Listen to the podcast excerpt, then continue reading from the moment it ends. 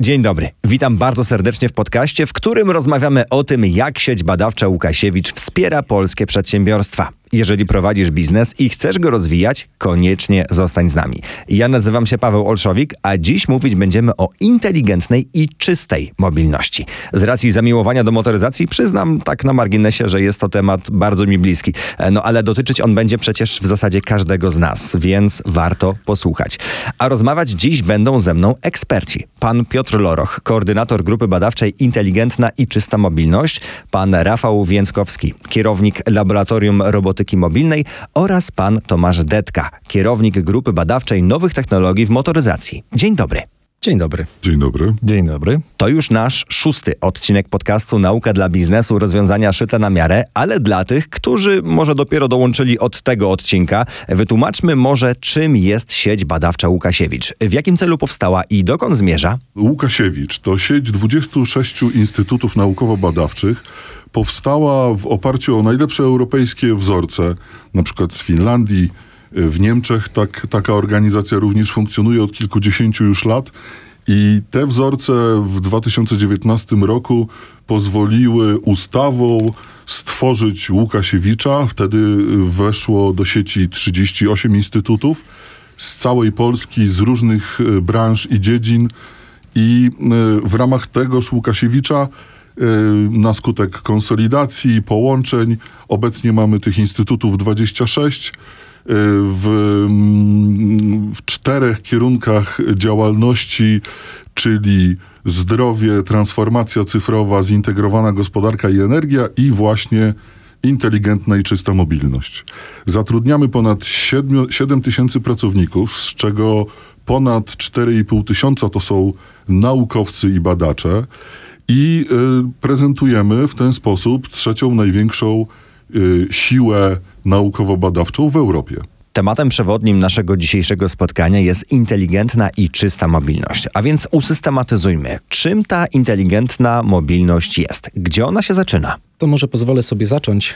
E, Rafał pewnie coś doda i uzupełni. E, to jest dobre pytanie na początek, czy mobilność w ogóle może być inteligentna? Bo co do tej czystości, to tak naprawdę wiemy, że e, czysta być musi i z tym się wiążą liczne e, działania, które obecnie podejmuje Łukasiewicz. Ja bym zaczął od tej, od tej czystości, która tak naprawdę sprowadza się do kwestii ograniczenia zanieczyszczeń z transportu i emisji gazów cieplarnianych, co jest jedną, jednym w ogóle z priorytetowych e, kierunków, jak e, pewnie wszyscy wiemy. Więc tak naprawdę na tą inteligencję składa się czystość. Poza czystością składa się ciągła potrzeba podnoszenia bezpieczeństwa, e, no i zapewnienia szerzej rozumianej mobilności, bo tak naprawdę to nie jest przypadek, że w tej nazwie grupy badawczej jest właśnie mobilność. Przez to nie rozumiemy tylko tego, co jako pierwsze nam przychodzi do głowy, czyli pojazdy osobowe, bo mobilność to jest tak naprawdę wszystko to, co się składa na e, umożliwienie wszystkim e, osobom, żeby po prostu zrealizowały swoje potrzeby. No właśnie, mobilnościowe, czyli przemieszczania i ludzi, i towarów, czyli na tą kwestię trzeba spojrzeć bardzo szeroko. I już tak naprawdę na początku nam się pojawia przy tych emisjach i przy zanieczyszczeniach powiązanie mobilności z energetyką.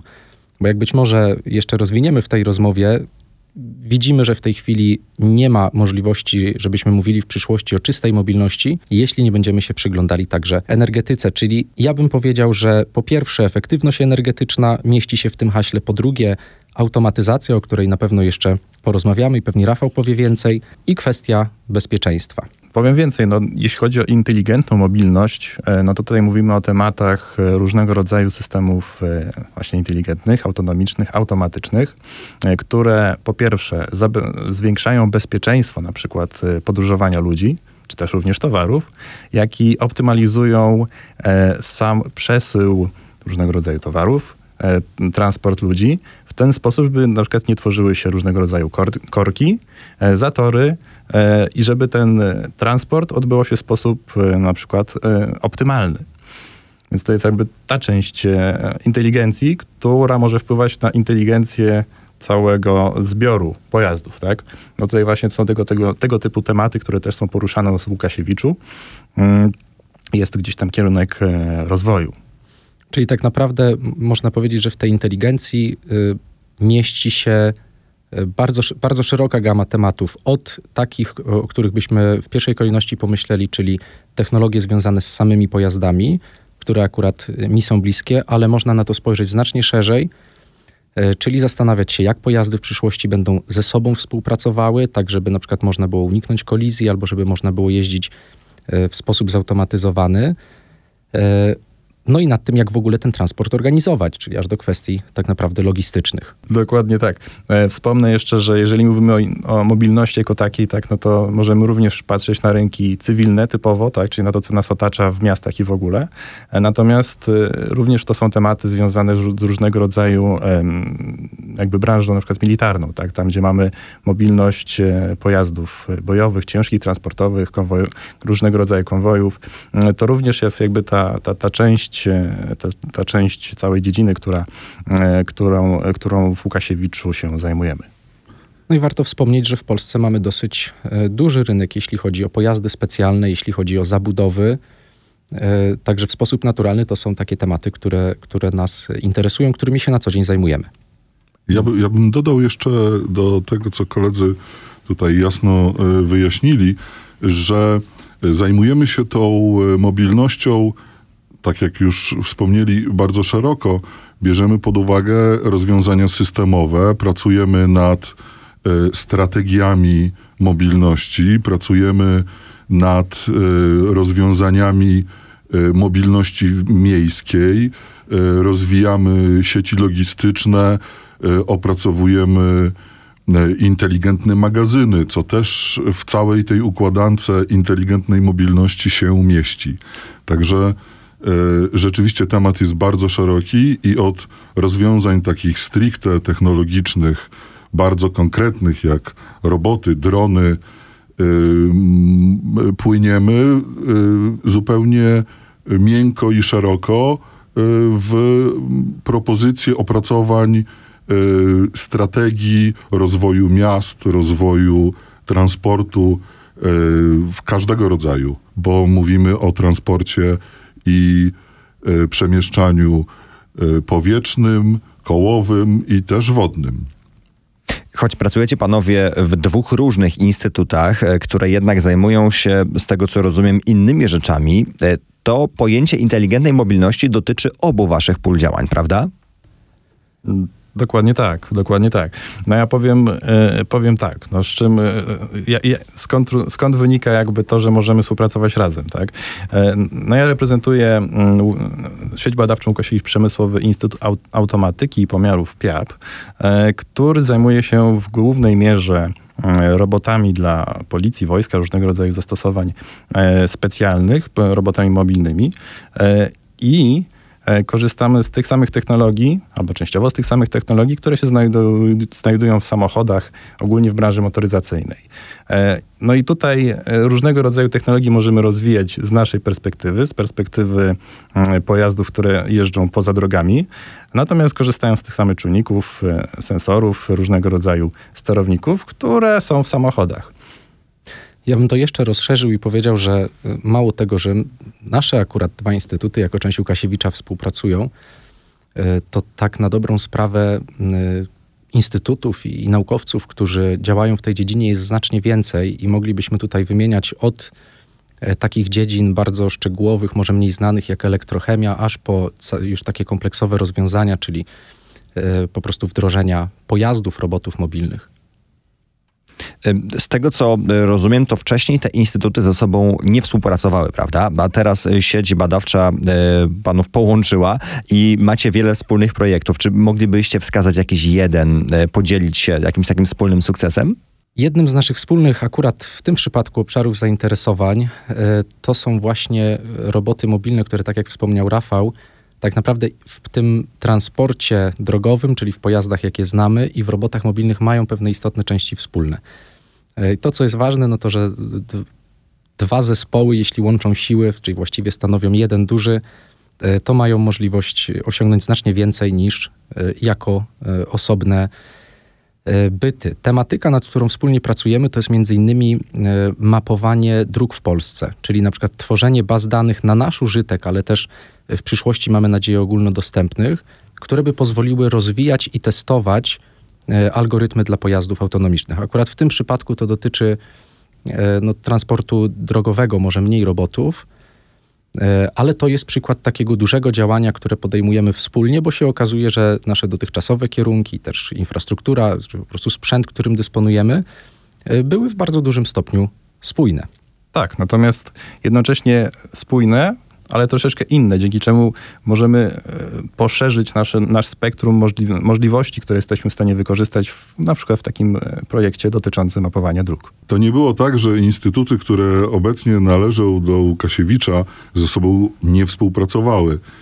E, oczywiście z jednej strony były konkurencyjne, ale z drugiej strony, jeżeli gdzieś wcześniej w projektach miały punkty styczne, to ta współpraca się zdarzała. Łukasiewicz po prostu ułatwia e, ten kontakt, tą współpracę. Ludzie się spotykają w ramach różnych platform e, kompetencji, w ramach grup roboczych, e, poznają się i rozmawiają ze sobą. Więc ten, to co nazywamy efektem synergii Łukasiewicza, daje właśnie tą łatwiejszą możliwość rozmowy, współpracy, poznania się, a jak się ludzie znają, to zawsze, zawsze łatwiej jest współpracować. Dokładnie tak. Dodam, że faktycznie jeśli chodzi o, o Łukasiewicz Piap i Łukasiewicz Pimot, wcześniej też e, prowadziliśmy razem wspólne projekty e, z dziedziny chociażby obronności i bezpieczeństwa. E, natomiast na naszym przykładzie Łukasiewicz Piap, dzięki, dzięki dołączeniu do sieci badawczej, na pewno zwiększyliśmy swoją współpracę z Łukasiewicz ILOT, czyli Instytutem Lotnictwa, w taki sposób, że łączymy, łączymy zdolności naszych robotów mobilnych z ich dronami, tak? czyli z, e, ze statkami latającymi. Czyli jak widać, komunikacja i współpraca to są klucze do sukcesu. E, panowie, jeszcze niedawno roboty w służbach, policji czy wojsku oglądaliśmy raczej chyba tylko na filmach. Dziś to już się dzieje i to w Polsce, prawda? Tak, tak, absolutnie tak. W no, samej Polsce e, pracuje już na pewno ponad setka robotów, e, ale może, może powiem od tego, jak to się zaczęło. Tak? E, w, w, jeszcze w latach 90.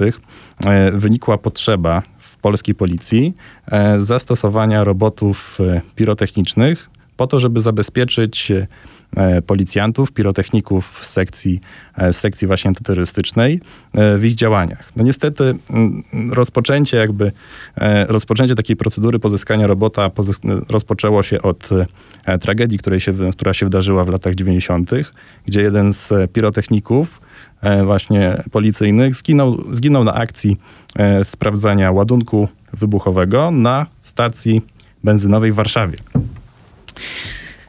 Natomiast y, to był taki, to był taki moment przełomowy, w którym policja zaczęła e, szukać rozwiązania tematu zabezpieczenia swoich e, naj, najlepszych funkcjonariuszy e, no, przed różnego rodzaju niebezpieczeństwem. Udali się wtedy do jednostek naukowych z zapytaniem, czy jesteśmy w stanie stworzyć takiego robota pirotechnicznego, ponieważ wiedzieli, że coś takiego istnieje, widzieli w, za granicą, że inne jednostki policji korzystały z tego typu urządzeń. No i takie zapytanie do nas, do nas przyszło jako jako do, do PIAP-u, do, do kolegów, którzy rozpoczęli budowę jednego z pierwszych robotów polskich y, mobilnych. To skutkowało, że na początku lat 2000 powstał prototyp y, robota SR10 Inspektor, y, który po prezentacji właśnie dla policji został zamówiony od razu w, w ilości pięciu sztuk do oddziałów antyterrorystycznych. Od tamtego momentu roboty pirotechniczne działają w policji E, i zabezpieczają naszych pirotechników. Natomiast tak, czy to, jest, czy to się dzieje w tej chwili? Cały czas. E, mamy nasze roboty w Straży Pożarnej, Straży Granicznej oraz w wojsku. W Straży Pożarnej zastosowania są przede wszystkim mm, do zabezpieczeń substancji chemicznych oraz ewentualnie inspekcji podczas, e, podczas że tak powiem, zagrożeń różnego rodzaju pożarowych w, w, w miejscach zagrożonych przykład wybuchem. Mm, Straży Granicznej do e, patrolowania lotnisk, bym powiedział, e, ponieważ e, Ogólnie rzecz biorąc, roboty mobilne na stra w Straży Granicznej na lotniskach są wykorzystywane do zabierania paczek lub bagaży, które zostały pozostawione.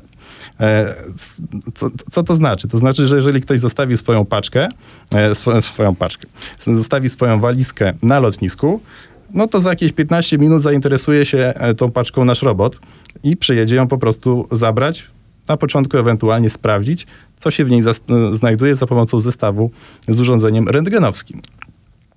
Oczywiście e, taki, e, takich sytuacja są, jest z natury niebezpieczna, więc nie polecamy, e, nie polecamy specjalnie zostawiać swojej walizki, żeby zobaczyć naszego robota. Jest to też zagrożone karą mandatu. Co, co więcej, w, na przykład w wojsku nasze roboty są wykorzystywane do patrolowania jakichś obszarów infrastruktury krytycznej, no i do działań inżynieryjnych, tak, czyli różnego rodzaju, różnego rodzaju wykonywania akcji serwisowych lub sprawdzających też różnego rodzaju pakunki lub różnego rodzaju miejsca niebezpieczne, tak, w których może znajdować się jakaś, jakaś zasadzka. Czyli z tego co słychać, roboty dbają o nasze bezpieczeństwo. Rozumiem, że patentujecie swoje wynalazki. Tak, tak, tak. Może, może, nie, może nie robota jako całość, tak, no bo tutaj tak, te patenty tak nie działają, natomiast wiele elementów z tych robotów e, zostało patentowanych, tak. Mamy, mamy patenty na różnego rodzaju złącza obrotowe do manipulatorów, e, różnego rodzaju elementów chwytaków, e, czyli tych ramion, które chwytają przedmioty, mm, różnego rodzaju elementy manipulatora. E, dodam jeszcze, że jako Łukasiewicz Piap e, też e, jesteśmy jednym z naj, znaczy jesteśmy największym producentem tych robotów w Polsce, ale właśnie mamy dość duże sukcesy za granicą. Nasze roboty są w 22 krajach świata, no i w zasadzie w, w każdym z tych miejsc znajdzie się nasz robot w, w policji lub wojsku. Ogólnie sprzedaliśmy do tej pory już 600 robotów na przestrzeni naszych takich 20 lat działań na, na arenie międzynarodowej. W skład y, naszej oferty wchodzą roboty od najmniejszego, robota TRM, czyli taktycznego robota miotanego, który y, ma dosłownie dwa koła, jest półtora kilogramów y, masy ma i można go wrzucić przez okno do, do pomieszczenia, które chcemy e, sprawdzić, czy, czy są tam niebezpieczni na przykład bandyci lub różnego rodzaju e, zagrożenia. Robot, e, dlaczego mówimy taktyczny robot miotany? E, ma możliwość upadku z 9 metrów na twardy beton i nic mu nie będzie. On nadal wykonywać swoją akcję. Potem dalsze roboty, które są w naszej ofercie, to są e, roboty typu gryf do 50 kg, które są do różnych zastosowań pirotechnicznych i inżynieryjnych. E, mogą mieć na przykład e, wyposażenie w postaci strzelby do przestrzeliwania zamków i do jakby przechodzenia przez zamknięte drzwi dzięki temu. Następnie robot patrolowy, który już jest do około 100 kg i może być wyposażony w różnego rodzaju systemy rentgenowskie do prześwietlania niebezpiecznych przedmiotów.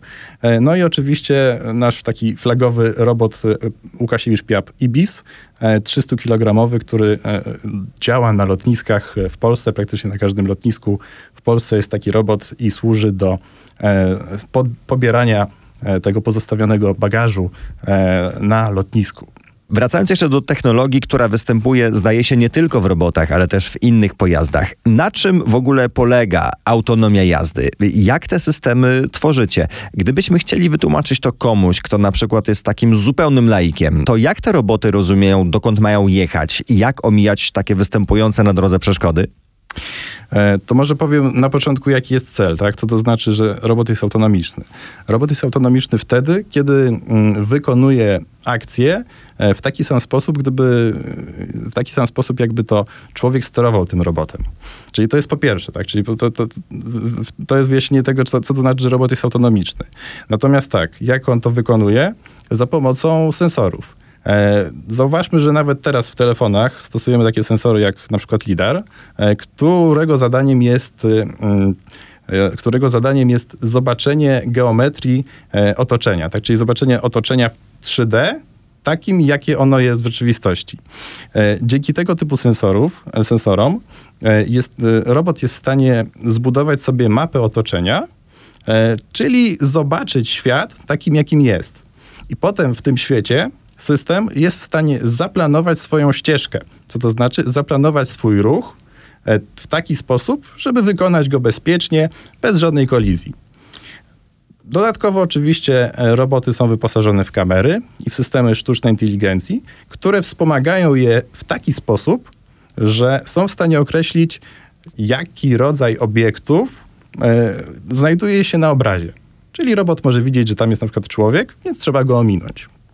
Taki opis autonomii dotyczy tak naprawdę praktycznie każdego pojazdu, e, który może działać autonomicznie. Czyli możemy mówić tutaj o robocie, możemy mówić tutaj o samochodzie, czy też również pojedzie latającym.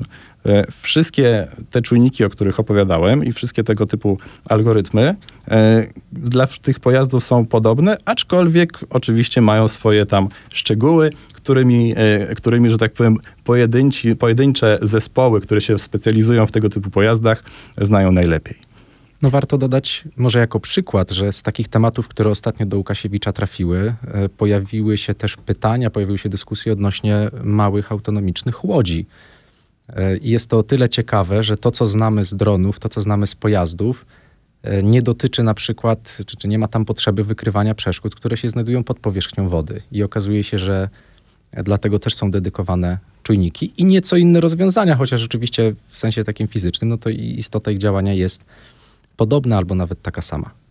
Tak, no dodam, dodam jeszcze, że tutaj no, dzięki temu, że pracujemy razem w Łukasiewiczu, różne tematy do nas przychodzą. No, mieliśmy również tutaj z, z kolegą e, z PIAP-u e, możliwość przedyskutowania, jak zautonomizować latającego drona i zobaczyliśmy, jak dużo technologii jesteśmy w stanie zastosować z, z technologii, które już znamy, które już e, mamy w nich doświadczenie.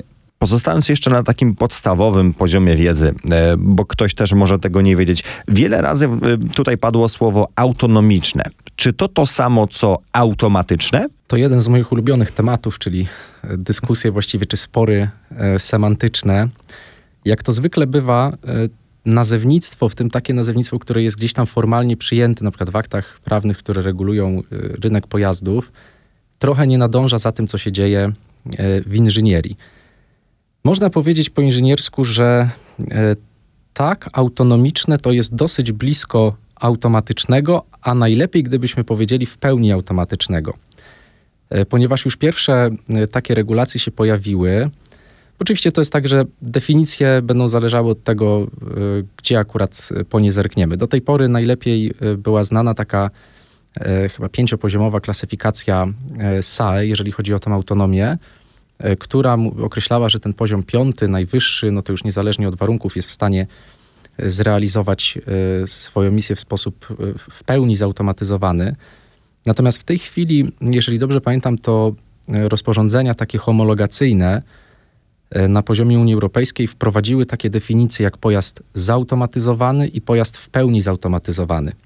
Także można powiedzieć, że pojazd autonomiczny, chociaż to słowo jest bardzo szeroko używane, nawet może za szeroko, to jest tak naprawdę w tych definicjach pojazd w pełni zautomatyzowany, czyli taki, który właściwie e, także w nietypowych warunkach, kiedy coś mu tą pracę utrudnia, bo jest mgła i tak dalej, on jest w stanie swoją misję e, zrealizować. Oczywiście e, ten świat techniki jest w drodze do takich pojazdów, bo na ten moment szeroko w motoryzacji są znane już wdrożone takie rozwiązania, które też automatyzują transport, czyli na przykład tak zwane ADASy, czyli układy, które mają wspomagać kierowcę. E, możemy o tym nie wiedzieć, ale, ale myślę, że nasi słuchacze też je dobrze znają. To są takie systemy, które nam pomagają na przykład utrzymać pas ruchu, e, albo nas w różny sposób informują, że ten pas opuszczamy, a być może nie powinniśmy, bo akurat nam się przymknęło oko przez takie bardziej zaawansowane, jak na przykład aktywny tempomat, który już tych funkcji łączy w sobie kilka. No i one są taką, można powiedzieć, drogą do tej pełnej automatyzacji, czyli autonomii. Bo słowo autonomia, no moim zdaniem przynajmniej, jest nieco e, za szeroko używane, ale ono się po prostu dobrze sprzedaje. Natomiast dla nas, jako inżynierów, te rozróżnienia e, sądzę, że są e, w miarę jasne. Jasne, tutaj właśnie Tomek świetnie, świetnie opisał to z, z, z dziedziny, bym powiedział, takiej typowo czysto motoryzacyjnej, na poziomie naszych, powiedzmy, naszych, no, na poziomie robotów mobilnych, e, myślę, że tutaj w pełni, w pełni to tak samo oddaje sy sytuację, tak? czyli te, te, to można ekstrapolować również na, na tą tematykę.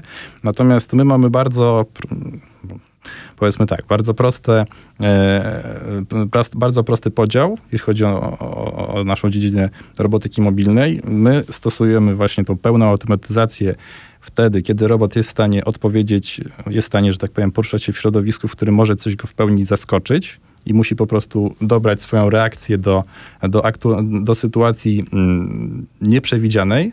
E, I wtedy mówimy o robocie w pełni zautomatyzowanym, czyli autonomicznym.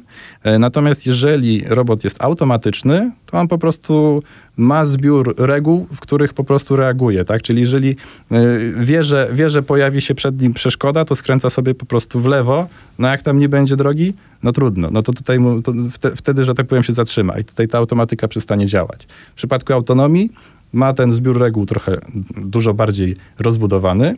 E, i jest w stanie zaplanować sobie jakąś inną ścieżkę, e, pomimo tego, że nie jest w stanie wykonać standardowej operacji. Albo nawet uczyć się wykonywania coraz lepiej kolejnych misji na podstawie tych, które realizuje, co też e, bardzo w tej chwili jest takim tematem, tematem na czasie. Więc ja swoją przynajmniej myśl podsumowałbym w taki sposób, że być może nie jest najważniejszym akurat spór o E, pojęcia, czy na przykład realizowane w tej chwili przez Łukasiewicza badania, na przykład wykorzystujące manekiny, które, które polegają na tym, żeby sprawdzić systemy awaryjnego hamowania, e, z punktu widzenia e, klienta, czy może bardziej nawet z punktu widzenia laika, to nie jest najbardziej istotne, ale de facto to nie są systemy pojazdów najczęściej w pełni autonomicznych, ale zautomatyzowanych.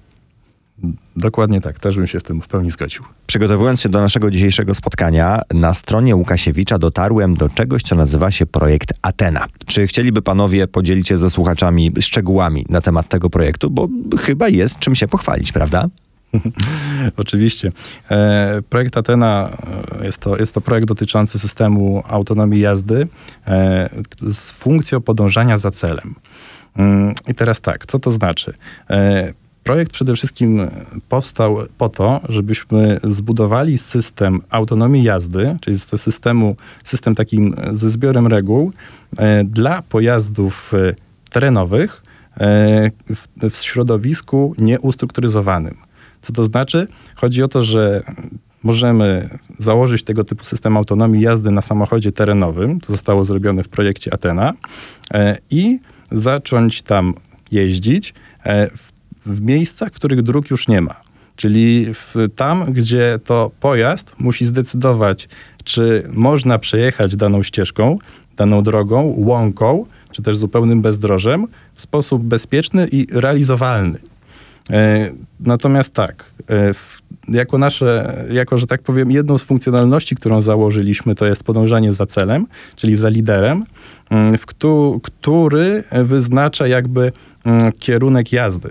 Więc y, mówiąc obrazowo, w projekcie Atena zbudowaliśmy dwa samochody y, terenowe, którym jeden jest prowadzony przez człowieka, czyli powiedzmy, że mamy taką symulację konwoju, y, na przykład militarnego. I człowiek nadaje, nadaje, że tak powiem, ścieżkę i kierunek jazdy, jedzie po prostu do celu, a za nim mogą, może mieć tak zwane autonomiczne przyczepy, tak? czyli każdy, każdy pojazd za nim jest autonomiczny i realizuje ten sam cel to nie znaczy, że jedzie tą samą ścieżką co, co lider, tylko wyznacza swoją trasę na podstawie swoich zdolności terenowych, tak? Czyli jeżeli podążamy za liderem w postaci na przykład człowieka, to człowiek jak przejdzie pomiędzy dwoma drzewami, pomiędzy którymi się pojazd nie zmieści, to pojazd ma ominąć sobie te drzewa i wrócić do podążania tego, tego, tego celu. I to jest jakby istotą w projekcie Atena i to, co nam się udało zrobić, tak? Z punktu widzenia obrazowego wygląda to też bardzo ciekawie, ponieważ widzimy autonomicznego e, pick-upa, który, który jeździ bez kierowcy. Więc to jest coś, co możemy się pochwalić, coś, coś co, e, co wygląda po prostu fajnie. Takie rozwiązania z przyszłości projektowane są nie tylko e, dla wspomnianego wojska czy szeroko rozumianej obronności, ale są przecież próby wprowadzenia takich daleko zaawansowanych technologii też do ruchu cywilnego. Mam tu na myśli choćby wspomniane prace nad e, w pełni autonomicznymi pojazdami. Jakie wyzwania stoją w tym temacie przed wynalazcami? Przede wszystkim jeszcze liczne. To, to, się trochę, to się trochę wiąże z tym, o czym mówiłem wcześniej, że często świat regulacji nie nadąża za za technologią. Akurat w tej dziedzinie to jest bardzo e, istotne. E, przede wszystkim w Polsce już chyba to parę lat ma pierwsze prawo, które umożliwiło w jakiś sposób uregulowało w ogóle testy pojazdów zautomatyzowanych. Mam na myśli testy drogowe, no bo do tego każdy, kto nad nimi pracuje, chciałby doprowadzić, żeby móc te rozwiązania testować na drodze, kiedy one już uważamy, że są dostatecznie dojrzałe Natomiast w praktyce e, to prawo na tyle to skomplikowało i po drodze są na tyle duże kłody rzucane pod nogi tym, którzy chcieliby te testy prowadzić, e, że jest e, prawie, prawie nierealne. Po drodze jeszcze można tak, takie zgłoszenie dotyczące testów oprotestować, już nie będę wchodził w szczegóły. W każdym razie jest bardzo duża potrzeba, żeby także, a może przede wszystkim w Polsce to uregulować i są takie próby. Także Łukasiewicz angażuje się też w pracę nad legislacją, między innymi e, po to, żeby i sobie, i też przedsiębiorcom w ogóle takie testy e, umożliwić. Taką być może nieoczywistą w ogóle barierą, nieoczywistym wyzwaniem e, dla Polski jest to, że próg wejścia w tego typu pracę, jeżeli chodzi o pojazdy osobowe, E, jest bardzo wysoki. Ten próg wejścia rozumiem jako i wielkość zespołów, e, jako kompetencje tych zespołów, ale to y, oczywiście jest też aspekt y, finansowy, dlatego że zwykle to są zespoły bardzo wymagające, rozbudowane zespoły programistów. Do tego, właśnie dlaczego akurat w tej motoryzacji osobowej to jest takie wyjątkowo skomplikowane? Dlatego, że jeżeli coś, coś w motoryzacji wpuszcza się na rynek cywilny i jest to produkowane w dużej liczbie sztuk jest produkowane masowo, no to musi spełniać bardzo, e, delikatnie mówiąc, bardzo wyśrubowane wymagania związane z niezawodnością i z bezpieczeństwem. I oczywiście to nie jest tak, że e, te wymagania się pojawiły wraz z autonomią, one się pojawiły wcześniej, bo już dzisiaj nie możemy w e, pojazdach, którymi się poruszamy, dopuścić do tego, żeby one sobie na przykład skręciły w wyniku jakiegoś błędu. Mam na myśli błąd systemu ale akurat jazda właśnie w sposób zautomatyzowany bardzo mm, wpłynęła jeszcze na rozbudowę e, tych wymagań.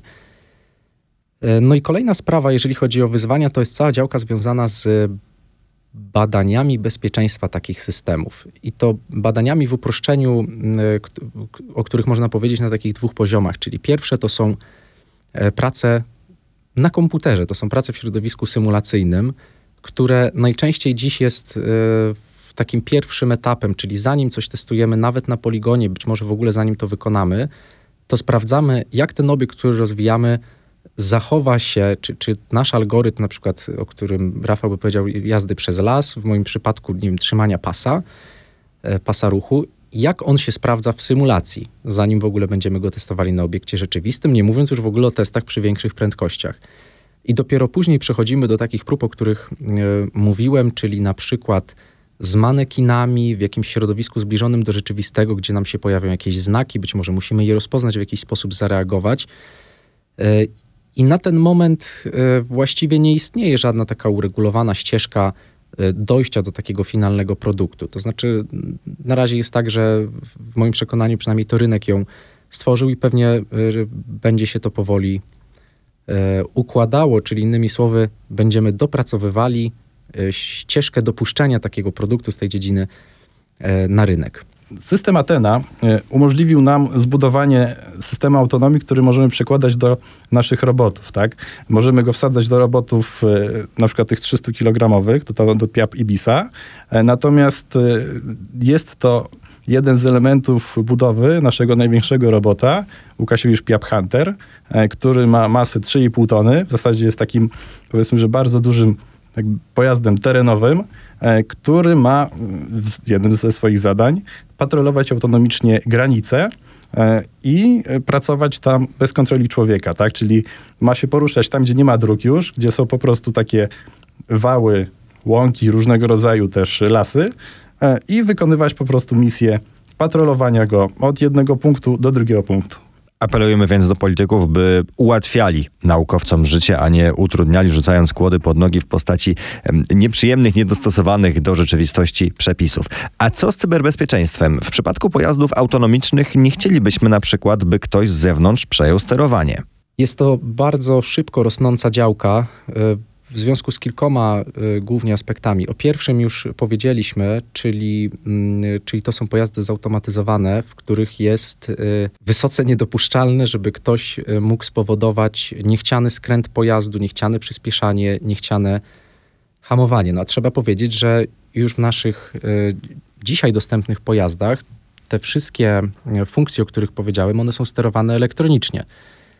E, czyli może być tak i jest tak, że na przykład kierowca, który chce przyspieszyć, y, już nie robi tego bezpośrednio, czyli jakaś tam linka oddziałuje na silnik, y, steruje przepustnicą i tak dalej, tylko tak naprawdę on generuje sygnał e, elektryczny. E, więc łatwo sobie wyobrazić, co by się wydarzyło, gdyby ktoś zechciał w sposób nieuprawniony taki sygnał wygenerować i na przykład spowodować przyspieszanie pojazdu wtedy, kiedy ten kierowca tego E, tego wcale nie chce, ale to jest tylko e, jeden z aspektów. E, drugi to, jest, to są wszystkie technologie V2X, czyli Vehicle to cokolwiek. I co to może być to cokolwiek? To może być inny pojazd, czyli Vehicle to Vehicle. A jesteśmy w czasie, kiedy właśnie o takiej komunikacji mówimy. Mało tego, zakładamy, że umożliwienie takiej komunikacji to będzie bardzo istotny krok, niezbędny do tego, żeby pojazdy ze sobą mogły współpracować czyli żeby w dużej skali osiągnąć autonomię. I tu znowu pojawia nam się temat autoryzacji tej komunikacji i jej niezawodności, no bo jeśli na tym ma się opierać decyzja, e, decyzja tego pojazdu e, co do jego na przykład trajektorii, czy ma zmienić pas, czy ma zwolnić i tak dalej, no to bardzo byśmy nie chcieli i jest niedopuszczalne, żeby on to zrobił na podstawie e, fałszywej informacji.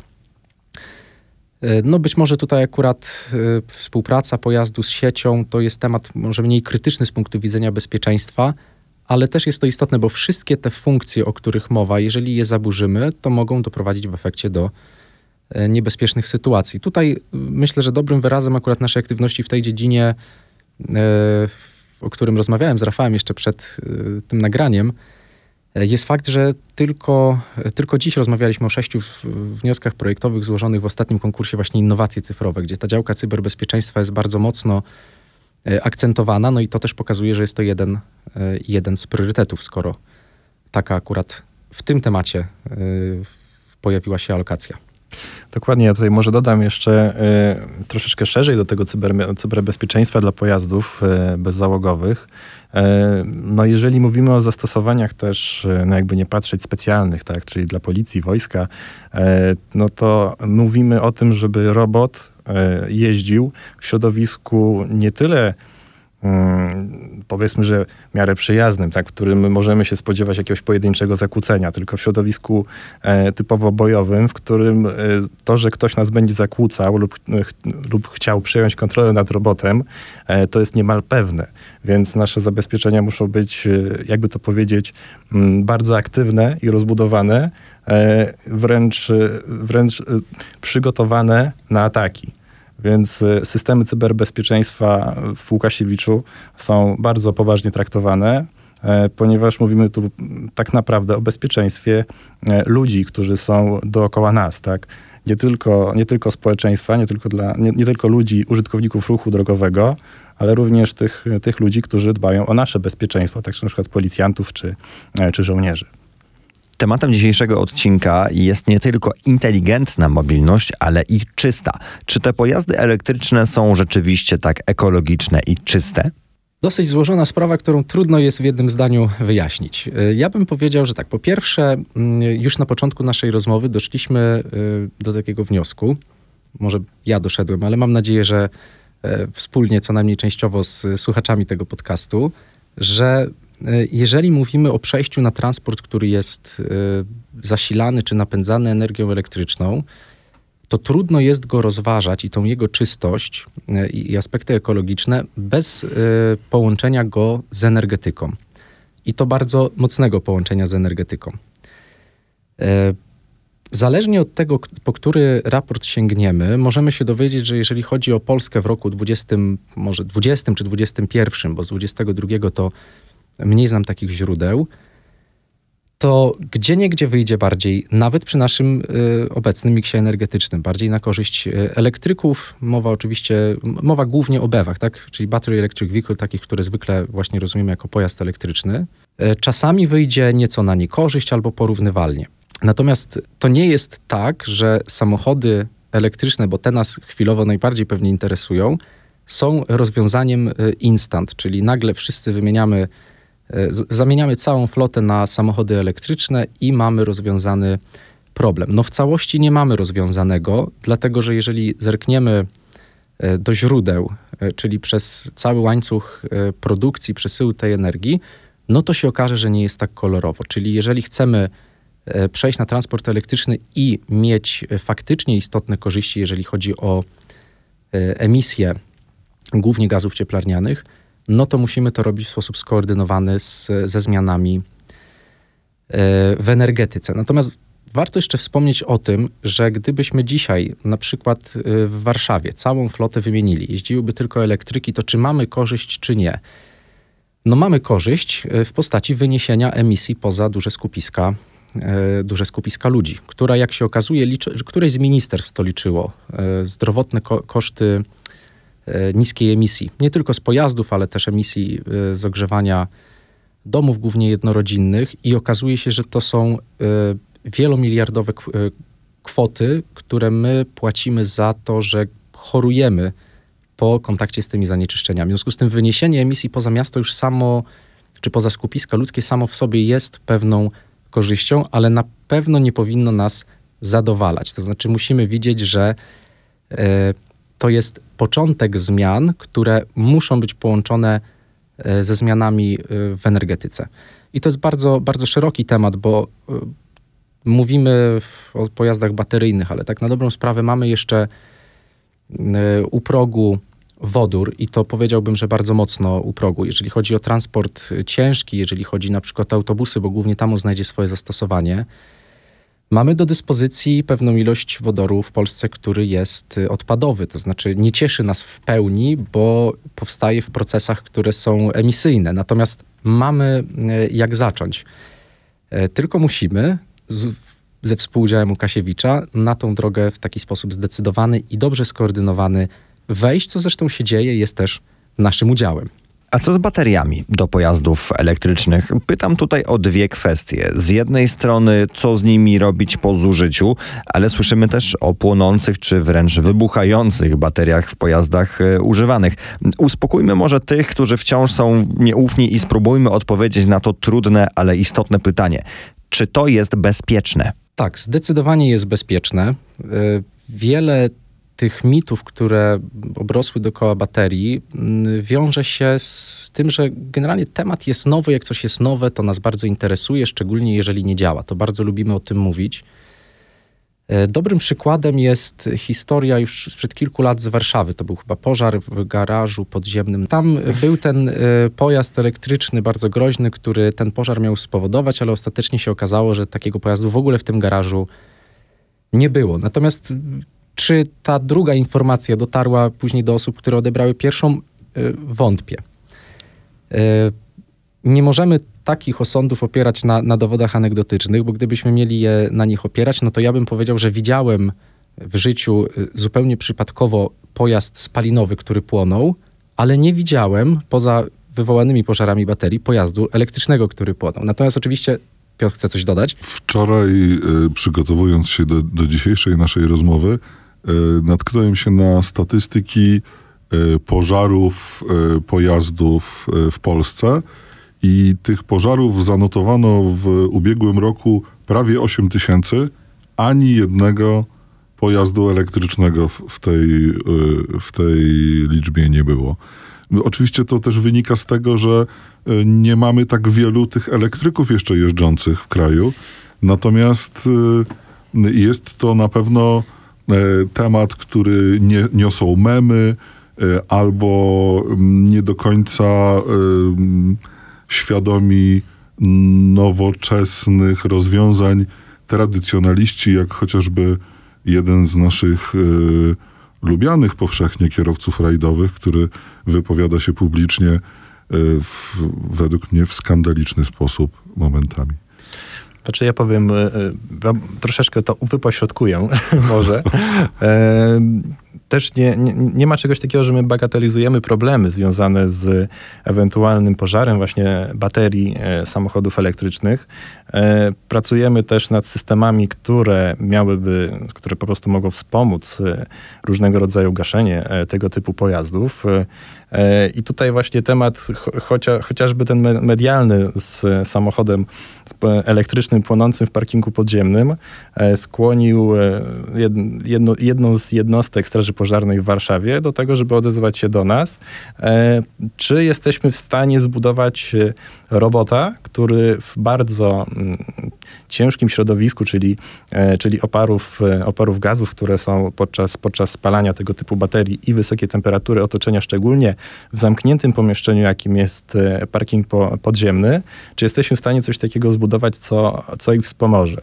E, no, efektem tego jest projekt prowadzony u nas e, wewnętrznie w Instytucie w Łukasiewiczu, który po prostu dotyczy robota pożarniczego, który jest w stanie gasić, gasić po prostu pojazd elektryczny w środowisku takim zamkniętym, niebezpiecznym, tam gdzie rzeczywiście ani nie podjedziemy z pojazdem straży pożarnej, ani też ludzie nie, nie powinni tam wchodzić z, z, z prądownicą strażacką i E, podłączać system e, wodny. Ja jeszcze, jeśli mogę, to jeden, jedną myśl bym wrócił wcześniej. Powiedziałem, że nie jest dobrą praktyką, żeby się opierać e, o dowody anegdotyczne, więc wypadałoby podać jakąś statystykę. I takie statystyki faktycznie się pojawiły. Kilka lat temu jeszcze był z tym większy problem, natomiast mamy już w tej chwili pierwsze dane, akurat te, które mi pierwsze przyszły do głowy, to są dane ze Stanów Zjednoczonych gdzie faktycznie już ta liczba y, pojazdów elektrycznych, które się poruszają po drogach, y, no po prostu skala jest większa, tak tych pojazdów jest dużo.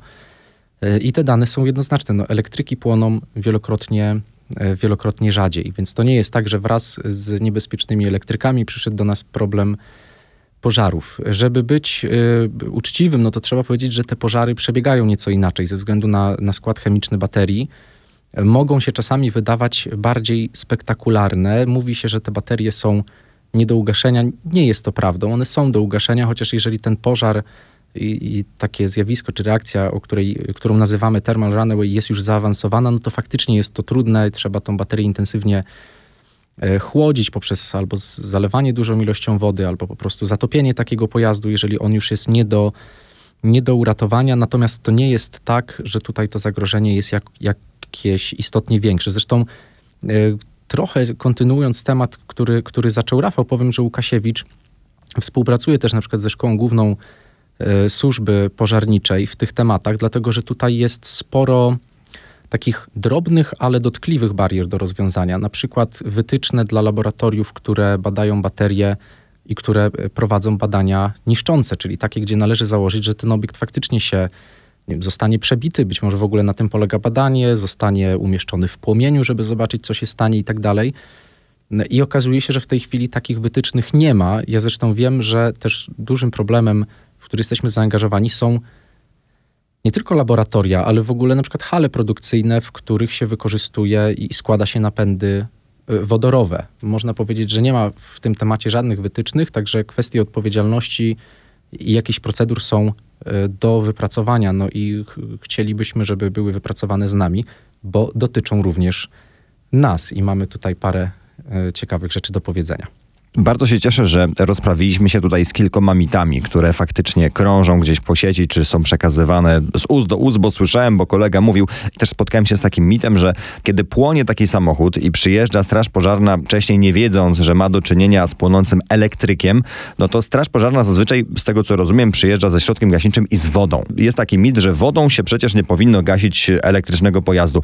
Pan tu wspomniał, że polewać wodą taką baterię można. Czyli rozumiem, że taka tradycyjna, zwykła straż straż pożarna poradzi sobie z wodą, z płonącym elektrykiem? Poradzi sobie. Nie chciałbym powiedzieć, że to jest problem, który jest znany od 20 lat i rozwiązany, bo gdyby tak było, to byśmy się ze strażą i z innymi służbami nie spotykali na konferencjach, w których e, chcą udoskonalać swoje e, wytyczne właśnie co do gaszenia tych pojazdów.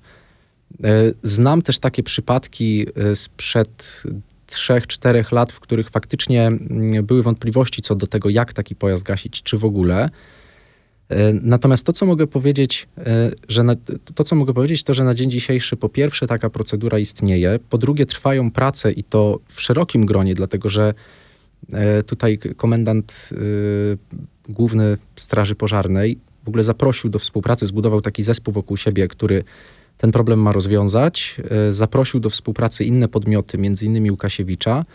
Także mam nadzieję, że one będą jeszcze bardziej doskonałe. Ja w ogóle najbardziej takie ciekawe doświadczenia i pytania z, ze szkoleń, e, które również prowadzimy, dostałem właśnie od e, studentów ze Szkoły Głównej Służby Pożarniczej z Koła Naukowego, które się zajmuje ratownictwem technicznym pojazdów. I tak jak no, zwykle pytania by, by, bywają trudne. Czy możliwe, że stało się coś tam, pojazd stał trzy miesiące, czy mógł stracić ileś tam pojemności? No bywają nietypowe. Natomiast strażacy mnie e, bardzo zaskoczyli, bo oni pytali na przykład o pojazd, który jest zanurzony w wodzie, bo wjechał do jeziora, czy bateria się rozładuje, czy nie.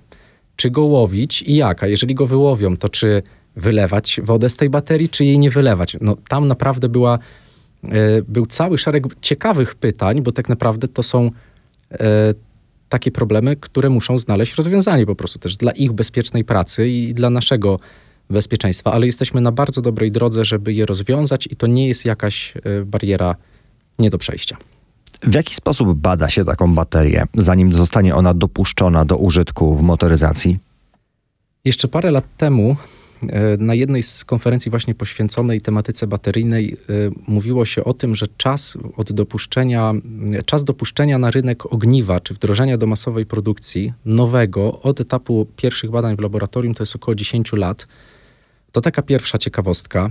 Być może do dziś ten czas się skrócił, bo no, potrzebujemy tych baterii coraz więcej i może to już dzisiaj jest 8 lat, nie wiem.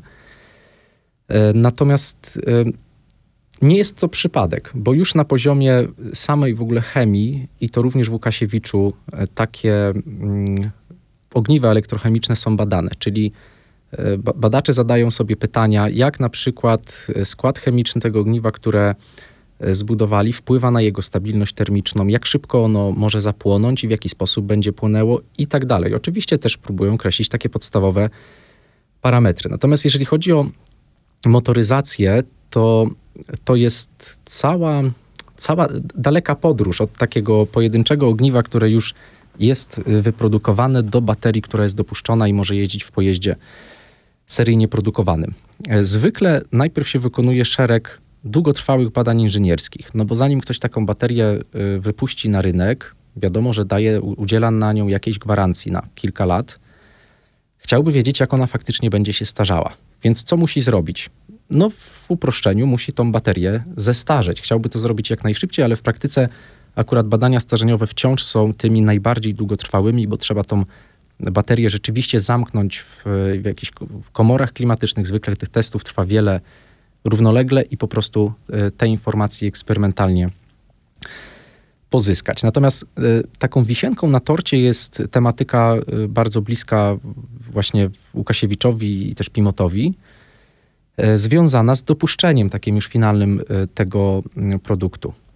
I co tam się dzieje? To w badaniach homologacyjnych takiej baterii między innymi umieszcza się ją pod działaniem płomienia, czyli po prostu podpalamy pod tą baterią, dotychczas to mogło być tylko paliwo płynne, natomiast teraz już w ogóle palniki gazowe są dopuszczone i przez kilkadziesiąt sekund ten płomień sobie na baterię działa żeby sprawdzić, czy ona nie zareaguje w jakiś sposób gwałtowny, nie ulegnie zniszczeniu. Także to jest dosyć wymagająca próba. Inne takie ciekawe badania to są y, na przykład wibracje. Y, nie chciałbym nikogo kłamać, to jest chyba 12 godzin, kilka cykli takich wibracji, żeby się upewnić, czy nic w, wewnątrz tej baterii się nie poluzuje, nie odkręci, nie urwie. E, to jest na przykład szok temperaturowy, czyli przemieszczenie baterii z bardzo niskiej temperatury, w której e, znajduje się przez kilka godzin, do temperatury dosyć, e, dosyć wysokiej. No, wykonuje się próby dynamiczne, czyli zadanie bardzo dużego opóźnienia tej baterii, które ma symulować zderzenie późniejsze. Gniecie się jej obudowę, patrząc jak wygląda sprawa integralności mechanicznej.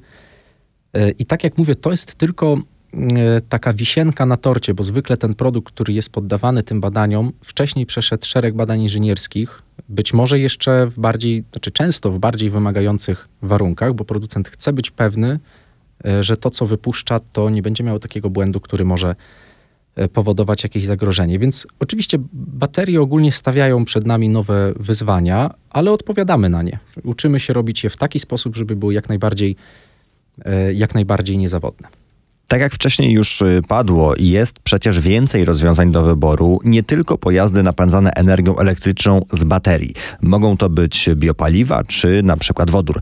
Która z tych technologii ma Panów zdaniem największe szanse na zastąpienie paliw kopalnych? To jeśli koledzy pozwolą, to zacznę y, dosyć krótko. Faktycznie możliwości jest bardzo dużo i ja przez y, kilka już lat pracy w instytucie wielu, o wielu jeszcze się dowiedziałem. To znaczy, jak zaczniemy myśleć o mobilności, o transporcie przez pryzmat energii, to się okazuje, że mamy naprawdę bardzo dużo możliwości przetworzenia jednego biopaliwa w inne, wzbogacenia wodorem albo później pozyskania tego wodoru i tak dalej. Natomiast yy, w, uproszczeniu w tej chwili można powiedzieć, że powinniśmy widzieć miejsce wodoru w transporcie ciężkim. Jeśli chodzi o transport lądowy, bo tylko o takim yy, mówię, w transporcie ciężkim czy w autobusach już to obserwujemy. Zresztą kilka dni temu też pierwszy autobus wodorowy wyjechał na testy e, na drogi Warszawy. W najbliższych latach trzeba się raczej spodziewać, że baterie, czyli tak zwane BEWy, wspomniane już Battery Electric Vehicle, znajdą swoje miejsce w, raczej w pojazdach osobowych, lżejszych, chociaż to nie jest oczywiście tak, że, że to jest prawda objawiona, bo wiemy, że powstają też pojazdy E, ciężarowe, które jeżdżą na baterie. Natomiast to, co mówię, opiera się raczej o, takie, o taką ogólną charakterystykę tych źródeł energii. Ale zwracam uwagę, że jeszcze bardzo dużo jest przed nami. To znaczy, ogromne środki, ogromne zasoby w tej chwili są przeznaczane e, na to, żeby ulepszyć i szukać nowych technologii bateryjnych. I to zarówno co do wykorzystania pierwiastków, które by były bardziej dostępne w Europie, ale też dla poprawy e, bezpieczeństwa i gęstości energii, czyli tego, co się przekłada docelowo na na zasięg tak dla nas e, istotny. Także w samych ogniwach elektrochemicznych e, czekamy jakiegoś rodzaju przełomu. Ja jestem dobrej myśli, uważam, że on nadejdzie. Także zabierze nam ostatni argument związany z tym, że no, ale wciąż mój dwulitrowy diesel jedzie na jednym baku dłużej, przejedzie więcej kilometrów. Są też takie ciekawostki, które na razie szerzej nie ujrzały światła dziennego, jak na przykład ogniwa przepływowe, e, które wykorzystują ciecze jonowe. Można w internecie znaleźć e, takie prototypy, które na tym, e, które na tym bazują. No i szereg biopaliw, pod których ja nie jestem ekspertem, więc nie będę o nich bardzo dużo mówił, ale wiem, że Polska dysponuje też zasobami takich biopaliw. Pytanie, czy z nich w pełni korzystamy. Dokładnie, może ja tutaj dodam, że akurat z, z, tego, z tej dziedziny, w której, w której bardziej się odnajduję, tak, czyli robotach mobilnych, no to jednak przeważają te systemy bateryjne. E, natomiast trwają prace, w tym również u nas, nad tym, żebyśmy zwiększyli gęstość energii, którą możemy zmagazynować w robocie. E, I jednym z kierunków e, rozwoju, które, które też tak obraliśmy, są oczywiście te ogniwa wodorowe, w których rzeczywiście możemy mieć generator wodorowy i tej energii e, zgromadzić naprawdę bardzo dużo. Oczywiście cel, celem jest to, żeby nasz robot, robot taki dla policji czy wojska, e, mógł wykonywać swoją akcję e, parę dni, a może i nawet tygodni, w zależności od tego, gdzie uda nam się, e, gdzie uda nam się dotrzeć w, w naszej podróży z różnego rodzaju e, e, zasilaniami alternatywnymi, chociażby do robotów. Tak, to ja jeszcze e, dopowiem, że e, pracujemy w Łukasiewiczu również w branży kolejowej i e, konstruujemy rozwiązania hybrydowe lokomotyw. Hybrydowe w znaczeniu spalinowo-elektryczne, elektryczno-wodorowe. Takie prototypy z naszymi partnerami biznesowymi już jeżdżą po torach. Nawet już pokusiłbym się o stwierdzenie, że to nie prototypy, a mm, e, realne e, lokomotywy, których po prostu jeszcze mało wyprodukowano. Także rzeczywiście kierunek wodorowy jest e, bardzo silnie promowany i Łukasiewicz zajmuje się, zajmuje się tematem kompleksowo. Prowadzimy projekty, w których opracowujemy konstrukcję pojemników, zbiorników na wodór, o najlepszych możliwych do osiągnięcia aktualnie parametrach. E, a jeszcze wracając do e, napędzanych elektrycznie pojazdów, to również w Łukasiewiczu zajmujemy się konstruowaniem e, pojazdów ciężkich do zastosowań specjalnych w górnictwie, budownictwie, pojazdów napędzanych elektrycznie, które mają na przykład taką zaletę, że pracując kilometr pod ziemią nie, e, nie produkują spalin i są bezpieczniejsze dla operatorów i nie wymagają skomplikowanej infrastruktury, która te spaliny ma wydobywać na powierzchnię. A czy jeszcze wracając do tego tytułowego naszego wątku, czy do inteligentnej mobilności możemy zaliczyć urban mobility i smart cities? Jak najbardziej. To, y, ten temat już się na początku naszej rozmowy troszkę, e, troszkę przewinął, bo to są te, to jest ta warstwa miękka na naszych działań naukowo-badawczych w Łukasiewiczu, e, czy w ogóle na świecie. I Urban Mobility to jest, to jest takie poletko, w którym z, znajduje zastosowanie szereg technologii, szereg rozwiązań, które czy przypadkiem, czy specjalnie tam w takich miejskich rozwiązaniach są potrzebne. Bo mówimy tutaj oczywiście o mikromobilności, czyli o rowerach elektrycznych, o wszechobecnych obecnie hulajnogach, ale do takich pojazdów y, potrzebne są ładowarki, Y, takie pojazdy y, trzeba odpowiednio nadzorować, trzeba wspierać infrastrukturalnie i do, i do tego też są potrzebni naukowcy, którzy takie, takie technologie opracują. Więc oczywiście w Łukasiewiczu mamy instytuty, które produkują ładowarki do hulajnóg. Mało tego, sam osobiście jeździłem na hulajnodze w prototyp, na prototypie hulajnogi wyprodukowanym przez Łukasiewicz IL i na, jako ciekawostkę na przykład podam, że tenże Łukasiewicz IL skonstruował ładowarki do telefonów komórkowych, czy w ogóle urządzeń, które były rozstawiane i są, są rozstawione na naszej granicy e, z Ukrainą. Także w czasie te, tego szczytu e, napływu uchodźców e, z Ukrainy do Polski, nasi goście mieli możliwość szybkiego i łatwego naładowania swoich telefonów.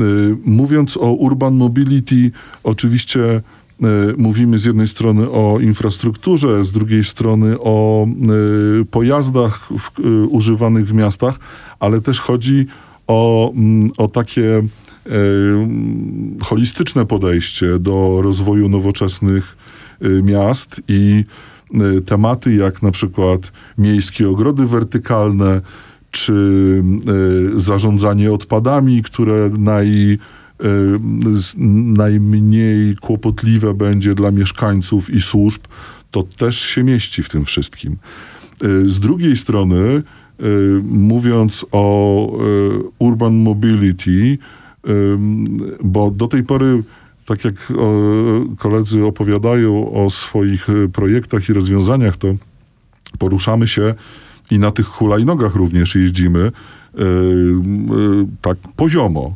prawda? Ale yy, mamy też cały bardzo ciekawy i rozwijający się prężnie dział miejskiej mobilności pionowej, czyli wprowadzania do przestrzeni miejskiej bezzałogowych statków powietrznych. Y, to jest też ba bardzo ciekawa y, dziedzina, ponieważ same drony znamy już od lat i są one popularne y, w wielu zastosowaniach, także zupełnie takich hobbystycznych.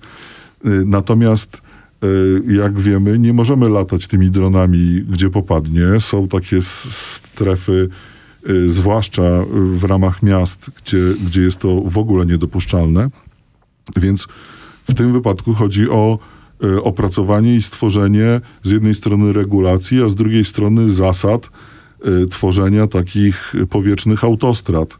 Tak, żeby ten dron z, e, ze stacji krwiodawstwa szybko do szpitala uniósł się, przeleciał, wylądował, nikomu nie przeszkadzał, był pod pełną kontrolą. Mamy, jesteśmy, ja pokusiłbym się o stwierdzenie, że jesteśmy w Polsce jednym z liderów e, działań w, e, na tym obszarze.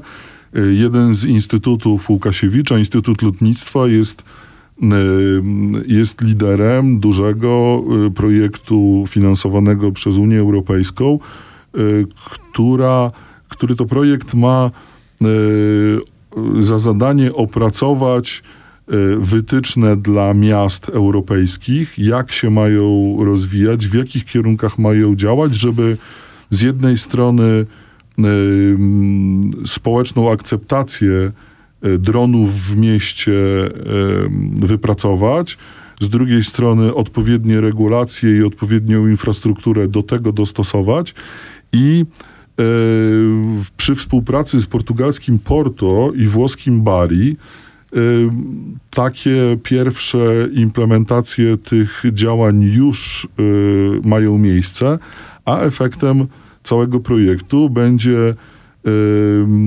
będzie opracowanie i wydanie y, przewodnika wspierają, wspierającego wprowadzenie miejskiej mobilności powietrznej dostępnego w ośmiu językach. Tak, no tutaj może jeszcze dodam, że do tematu dronów w mieście chociażby, jako Łukasiewicz podchodzimy naprawdę bardzo kompleksowo, ponieważ no jak ja zawsze dodaję swoje trzy grosze związane z obronnością i bezpieczeństwem, e, niestety drony, z jednej, znaczy z jednej strony drony są jak najbardziej potrzebne dla nas wszystkich i roz, rozwi- będą mogły rozwinąć tą mobilność w mieście. Tak samo będziemy musieli e, zabezpieczyć te sytuacje, w których te drony mogą mm, wy, wykonywać jakieś niepowołane, niepowołane akcje, tak? Czyli, że dostaną się w ręce e, złych ludzi. E, więc myślimy również o systemach, które są w stanie powstrzymać te drony, czyli różnego rodzaju systemach antydronowych, które mają za zadanie zatrzymać komunikację, zatrzymać tego drona tam, gdzie jest, lub jeżeli nie ma innej, innej możliwości, po prostu mm, unieszkodliwić takiego drona w sposób, e, e, no jakby nie patrzeć, kinetyczny. E, dopowiem, że taki system antydronowy mamy w Łukasiewiczu. Projekt przez kilka ostatnich lat ewoluuje w bardzo dobrym kierunku i oferujemy takie rozwiązanie gotowe w zasadzie i dla y, naszych y, służb bezpieczeństwa. Nasza policja również na swoim poligonie testowała Sudila Łukasiewiczowego i sposo sposoby przechwytywania wrogich dronów nad naszymi lotniskami jak najbardziej są w spektrum naszych zainteresowań.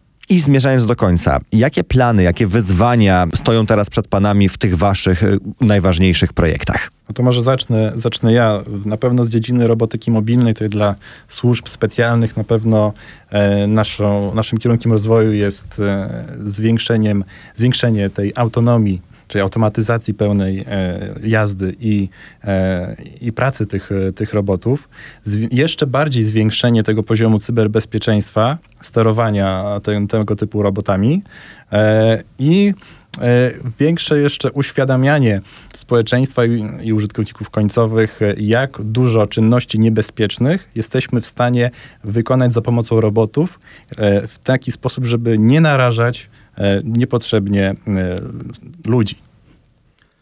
Ja ze swojej strony e, w ogóle zacznę może od tego, co się jednak wydarzyło i później przejdę do przeszłości i, i patrząc na, na moje podwórko, na, na grupę badawczą, w której pracuję i którą prowadzę, w ciągu półtora roku rośliśmy ponad dwukrotnie, jeżeli chodzi o liczbę osób, także myślę, że nie będziemy zwalniali tempa.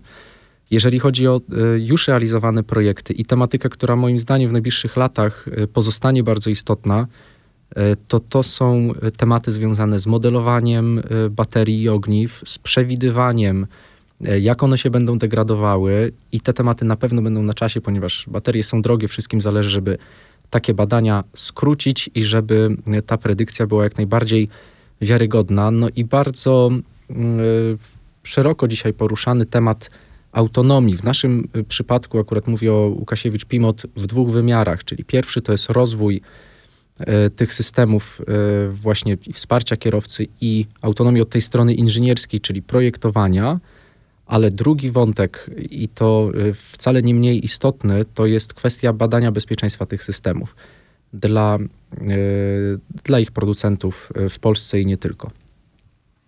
To ja odniosę się znowu bardziej ogólnie i do samego Łukasiewicza, bo oczywiście obszar inteligentnej i czystej mobilności rozwija się bardzo dynamicznie, co dzisiaj w rozmowie myślę udowodniliśmy swobodnie. Y, te rozwiązania, o których rozmawiamy, już y, w zasadzie y, stają się naszą codziennością. Z jednej strony szybkie tempo rozwoju robotyzacji, z drugiej systemy bezzałogowe i latające, i kołowe, i pływające. Te wszystkie technologie z roku na rok stają się coraz bardziej dostępne, doskonalsze i tańsze. Pozostaje się E, tylko cieszyć, że naukowcy Łukasiewicza często wspólnymi siłami biorą realny udział w budowaniu konkurencyjności polskiej gospodarki, a tym samym również poprawiają jakość życia naszego społeczeństwa. Trzymamy więc kciuki za powodzenie tych projektów, bo z owoców pracy naukowców przecież korzystać będziemy my wszyscy. Serdecznie dziękuję za rozmowę. Przypomnę, że moimi i Państwa gośćmi byli eksperci Piotr Loroch, Rafał Więckowski oraz Tomasz Detka. Dziękuję serdecznie, do usłyszenia.